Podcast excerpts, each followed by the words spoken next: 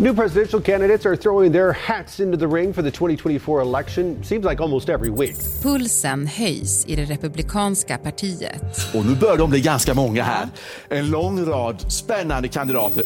En efter en meddelar nu tunga profiler att de utmanar Donald Trump i racet om att bli republikanernas presidentkandidat. And Nikki Haley, Vivek Ramaswamy, Larry Elder, Asa Hutchinson, Tim Scott, Ron DeSantis, Mike Pence, Chris Christie. I intend to seek the Republican nomination for President of the United States in 2024 and I want your support. På en kvart får du veta vilka chanser utmanarna har. Om vi är på väg mot en repris av det som hände 2016. And we learned in 2016 that he's the beneficiary of a large field. In that cycle, there were so many running that debates, they had a kids table. Det är torsdag den 8 juni. Det här är dagens story från Svenska Dagbladet med mig, Alexandra Karlsson och idag med Erik Bergin, tidigare USA-korrespondent för SvD.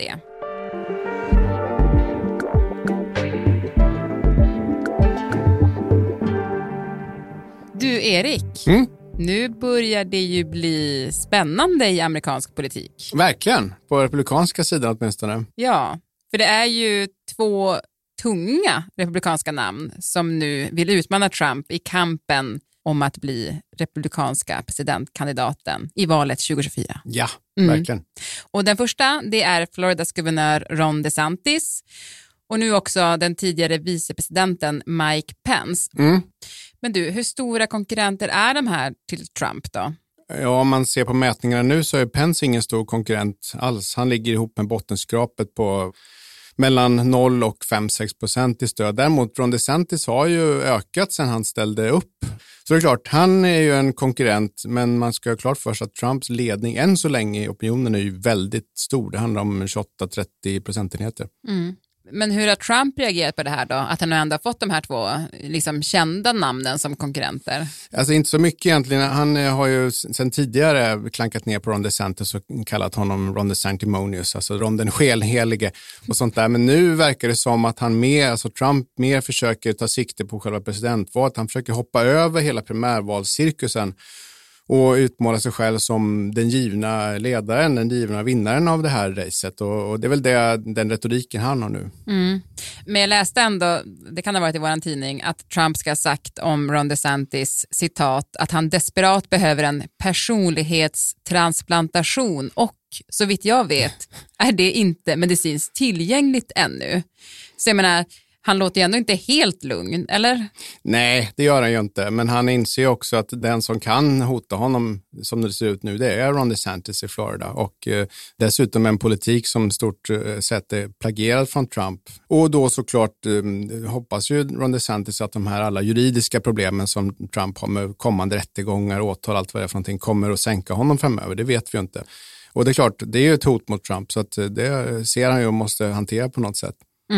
Och då blir det klassiskt så. Ja, väldigt classic Trump det där. Men sen var det också att när presidenten Joe Biden snubblade på en sandsäck häromdagen och framför kamerorna och det vart en stor grej av det, då sa ju Trump faktiskt, jag hoppas att han inte slog sig. Och det är lite unikt Trump. I vanliga fall hade han ju sagt att eh, ja, han är för gammal, titta hur det går, han kommer inte... Man har nog en, en del rådgivare som inser det här, att eh, han skulle behöva förändra sin retorik lite grann jämfört med tidigare och det är det kanske han gör nu. Mm, ja, lite mer statsmannamässigt. Ja, lite mer så. Men du, kort, ska vi bara stanna i Ron DeSantis då, största utmanaren. Vem är han? Ron DeSantis är guvernör i Florida och han blev omvald med jättestor majoritet eh, i november förra året. Han fick ett starkt mandat från väljarna där i Florida för den politik han har drivit. Det är en politik som lite grann i vissa fall går till höger om Trump, alltså det är mot abort, det är mot sexuella minoriteter. Vapen förstås, vapenfrågan är viktig. Han har undertecknat en lag som gör det lättare att bära dolt vapen och så vidare. Problemet för Ron DeSantis är ju att säga att han vinner mot eh, Trump och blir republikanernas kandidat, då måste han ju nå mittenväljare och det gör man inte med den här politiken. Då måste han svänga om och göra en vänstersväng på något sätt och det är det som blir förmodligen knepigt för honom om han skulle gå och vinna primärvalen. Han har förstås också det här berömda bråket med Disney som också handlar om det här med sexuella minoriteter. Alltså Disney gick emot Ron DeSantis politik och nu har de hamnat i ett jättebråk och stämt varandra och så vidare. And people told me, they said, if Disney weighs in, you better watch out. They're to steamroll you. Well, here I stand. I'm not backing down one inch. Men kan han bli president om han är i en fight med Disney? det är ju det som många undrar och även massa republikanska politiska analytiker river sig i skallen nu och frågar på vilket sätt kan ett bråk med Musse Pigg gynna honom? Och, och det finns inget bra svar på den frågan. Mm. Men du, kort också bara, Mike Pence, tidigare vicepresident. Du sa att det inte alls verkade gå så himla bra för honom. Nej, Pence är ju en knepig situation av det skälet att han var under fyra år obrottsligt lojal mot Trump fram till att Trump eldade sina supportrar och stormade kongressen. The president's words were reckless and they endangered my family and everyone at the Capitol building. And the president had decided to be a part of the problem. I was determined to be a part of the solution. Trump var då sur på att han inte gav valsegern till honom fast han hade förlorat valet och där skar det sig ju mellan de här två. Så att det sätter Pence i en unika situation att han har bränt sina broar både till Trump-supportrarna och de republikaner som aldrig vill ha Trump i och med att han var lojal med Trump under fyra år trots allt. Så att han, han har egentligen ingen stark ställning i något av lägen utom möjligen den eh, kristna högern. Han var katolik från början och bytte sen till en protestantisk kyrka och eh, är så kallad väckelsekristen, det man kallar evangelical. Så där har han möjligen stöd att hämta Pence. Mm.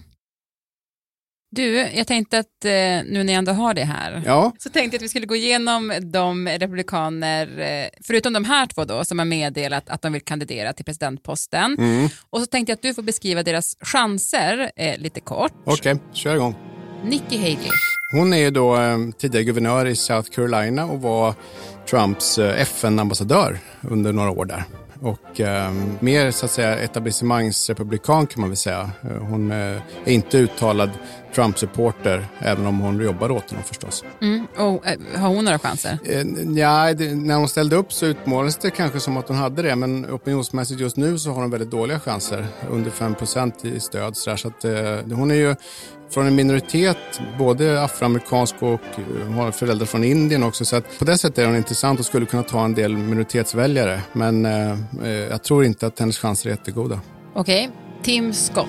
Ja, det intressanta med honom är att han är senator från samma delstat, South Carolina. Så att det blir lite intressant att de två kommer att konkurrera om, om eh, de afroamerikanska väljarna där, möjligen. Men han försöker måla upp en mer positiv bild av USA och USAs framtid jämfört med Trumps många gånger ganska dystopiska bild och, och sådär. Om det kommer funka är väldigt oklart. Jag tror inte det, men det är intressant att han försöker. Vivek Ramaswamy. Ja, han är affärsman och, och liksom har varit chef för ett läkemedelsbolag tidigare och investerat massa pengar. Sådär. Han försöker eh, göra ett, en inbrytning därifrån mot bakgrund av affärsmannaskapet. Jag tror att hans eh, chans är minimal. Inte minst för att uh, få veta vem han är. Mm. Jag visste inte, men nu Nej, vet jag. det är många som inte vet det. Larry Elder. Ja, radiopersonlighet och alltså att säga konservativ mediepersonlighet. Det intressanta med honom är ju kanske då framförallt att han är afroamerikan. Så det är många andra republikanska, men i båda partier egentligen presidentkandidater är ju vita och ofta vita män och han är då från en minoritet hans claim to fame är väl när han försökte utmana Kaliforniens guvernör Gavin Newsom och bända bort honom från makten. Det misslyckades och eh, jag har svårt att se att det här skulle kunna gå sagt mycket bättre. Och så sista då, Asa Hutchinson. Ja, han är tidigare guvernör i Arkansas, sydstaten, som Bill Clinton var guvernör i tidigare också. Han representerar ju den grenen av republikanerna som är emot Trump ganska öppet. Han menar nationen behöver en ny och Republikanska partiet behöver en ny riktning bort från Trump och eh, sett till mätningarna så har han ju inte lyckats få fram det budskapet än så länge. Men det finns ju en liten minoritet som är av republikanerna alltså som är mot Trump, en 10-15 procent kanske och där kommer han ju förmodligen få ta en, en hel del röster. Men kommer det att räcka till att utmana Trump? Nej, jag tror inte det. Men du, finns det någon på den här listan som kommer utmana på riktigt?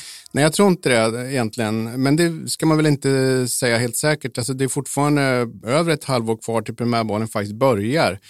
Men det man, de här som vi har nämnt nu och sen några till, de har ju mellan 0 och kanske 5, möjligen 6 procentenheter i stöd. Kommer någon av dem att kunna få ett sånt där breakout moment, någon, ett videoklipp som blir viralt, de säger någonting som gör att de rusar, kan bli så och det är i så fall i tv-debatterna senare Det har ju hänt tidigare att en person rycker i ett sådant tillfälle. Men om det kommer att räcka till att utmana Trump eh, är svårt att säga. Jag tror kanske inte det. Jag tror snarare att en hel del av de här kommer nog ha hoppat av, kanske rent av innan primärvalen börjar i januari 2024, åtminstone i samband med att de första valen hålls där i Iowa och New Hampshire. Och om de misslyckas där, då är de rökta. Mm. Det vet man sedan tidigare. Många av namnen eh, som vi sa är ju rätt okända här. Men finns det någon mer välkänd republikan som väntas ställa upp? Ja, så vi har ju Chris Christie då, som är också en etablissemangsrepublikan, tidigare åklagare och guvernör i New Jersey. Han var ju Trump-supporter länge, men han har ju vänt sig mot Trump och menar att partiet måste lämna Trump bakom sig. Det här går inte. Och han, det har ju pratats om att han är på väg att ställa upp igen.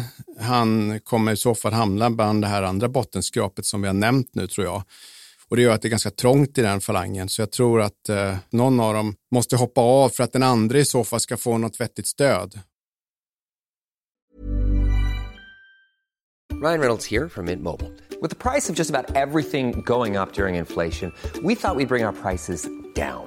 So to help us, we brought in a reverse auctioneer, which is apparently a thing. Mint Mobile unlimited premium wireless. Ready to get 30, 30, bit to get 30, bit to get 20, 20, 20, bit to get 20, 20, bit to get 15, 15, 15, 15 just 15 bucks a month. So, Give it a try at mintmobile.com/switch. slash $45 up front for 3 months plus taxes and fees. Promo rate for new customers for limited time. Unlimited more than 40 gigabytes per month slows. Full terms at mintmobile.com. Jag kommer ihåg när vi har pratat någon annan gång Erik så sa du att 2016 när Trump ställde upp första gången då, och mm. blev eh, först kandidat och sen president så var det väldigt många som ställde upp emot honom. Eller det var mm. många kandidater. Jag tror det var 17. Ja, det är många. Ja, det är många. Men nu verkar det också bli en hel del kandidater. Mm. Alltså, eh, hur påverkar det Trumps chanser? Ja, förmodligen är det bra för hans chanser eftersom vi vet redan att hans kärnväljare är ungefär en, en av tre. Och eh, de har han redan, de behöver han inte strida för, utan han måste komma lite utanför den gruppen. Men utanför den gruppen ska alla de här andra kandidaterna som vi har nämnt nu, de måste dela på resten av de republikanska eh, primärvalsväljarna. Och det gör att de här andra då, sju, åtta, nio kanske, kommer splittra upp resten av stödet och det gynnar ju Trump. En annan detalj är ju att de flesta amerikanska väljare röstar ju inte i primärvalen. De flesta ligger på soffan. Och då kan man fundera på vilken väljargrupp är mest motiverad att gå och rösta. Ja, det är förmodligen de som är tungt investerade och har en personlig relation med Trump. Om det är de som går och röstar och får andra, då vinner Trump tack vare det. Så jag tror att eh, om inte något åtal eller något sånt där annat händer som, som sänker honom så kommer Trump och förmodligen att kunna ta hem det. Mm. Så för de som inte vill se Trump eh, eh, som kandidat, hade det varit smartare för dem att gå ihop och gemensamt bestämma, okej okay, men då får du ställa upp mot ja, honom? Exakt, jo det hade det varit. Och eh, det är lite konstigt egentligen att nu vet man inte vad som rör sig i, i korridorerna och i, det är mycket smutsspel i primärvalssäsongen. Man hade kunnat tänka sig exakt det du säger, att man hade informellt eh, gått och lagt krutet på en, en eller två personer. Varför man inte har gjort det vet jag inte, men det är klart, det här är stora egon. De vill ju vinna alla de här och de vill ju synas och märkas och det kan ju vara så att när vi är mot slutet av det här året så ser startfältet helt annorlunda ut och eh, att det då blir en konsolidering på andra sidan mot Trump. Men, men det återstår att se om det blir det. Mm. Du, när Trump eh, ställde upp första gången då, 2016, så märkte man ju direkt att retoriken ändå var något nytt. Det var ju rätt hårt och eh, kampanjen blev ju lite smutsigt. Jag tänkte vi kan lyssna lite på hur det lät då. I have a policy question for you, yes. sir. Let's see if he answers it. You're... I will. Don't worry about it, little Marco. I will. All right. Well, let's hear Big Big Don. You know, Donald. Don't worry about it, All right, little. Wait. Don't worry about it, little Marco. Gentlemen, let's hear hey, gentlemen. You ought to you ought to show up. Gentlemen, you got you got to do better than this. Uh, but what we want to do is to replenish the Social Such a Security Trust Fund. Du var ju för lite inne på det där i början, men kommer det bli samma hetska ton eller blir det en värdigare ton den här gången? Jag tror kanske att det kommer bli en väldigt hetsk ton nu också. Framförallt om det är så att Trump vinner och sen så möter Eh, Joe Biden i en slutstrid eh, nästa höst så då kommer vi att få se en och annan missil, tror jag fyra sa där. Det skulle förvåna mig eh, annars. Men det är ju också möjligt att han har bättre strateger den här gången som lyckas få honom, alltså Trump, att hålla tillbaka på de här värsta attackerna och skälet till det skulle vara att han behöver nå mittenväljare, annars kan han inte vinna något val. Och Biden har ju visat att han kan ta tillbaka en del av, av de väljarna sen mellan 2016 och 2020 och Trump måste ju få tillbaka dem och annars har han rökt och eh, jag tror kanske att sättet att nå dem är att inte kanske utmana Biden som en gammal gubbe som ligger nära döden utan han måste kommunicera på ett annat sätt. Men om det blir så, det får man ju se, men, men det skulle kunna vara så. Mm. Och det kanske var det vi såg ett tecken på då, när han inte direkt ja, hånade Biden jag tror det. Ja, det skulle kunna vara så. Mm. Men du, till sist Erik, nu pratar du som att det är Trump som kommer bli republikanernas kandidat. Är du säker på det? Nej, säker kan man inte vara. Men jag tror som sagt, som det ser ut nu så är det svårt att se någon annan än DeSantis som kan utmana honom. Men återigen, vi, har ju, vi är ju början av allt det här. Det är inledningen. Så att jag menar, det är ju först i slutet på januari som de första primärvalsväljarna lägger sina röster och sen har vi Super Tuesday i början på mars. Och, och så, här, så det är ganska många månader kvar. Mm. Men du har redan bokat för i kalendern? Jag har bokat för det och eh, precis, det, det blir drama att följa. En, en, en cirkus är det ju. Mm. Du, tack så jättemycket Erik. Ja, tack själv. Programmet idag producerades av Daniel Sävström, redaktör var Stina Fischer och jag heter Alexandra Karlsson. Vill du kontakta oss så mejla till dagensstory.svd.se.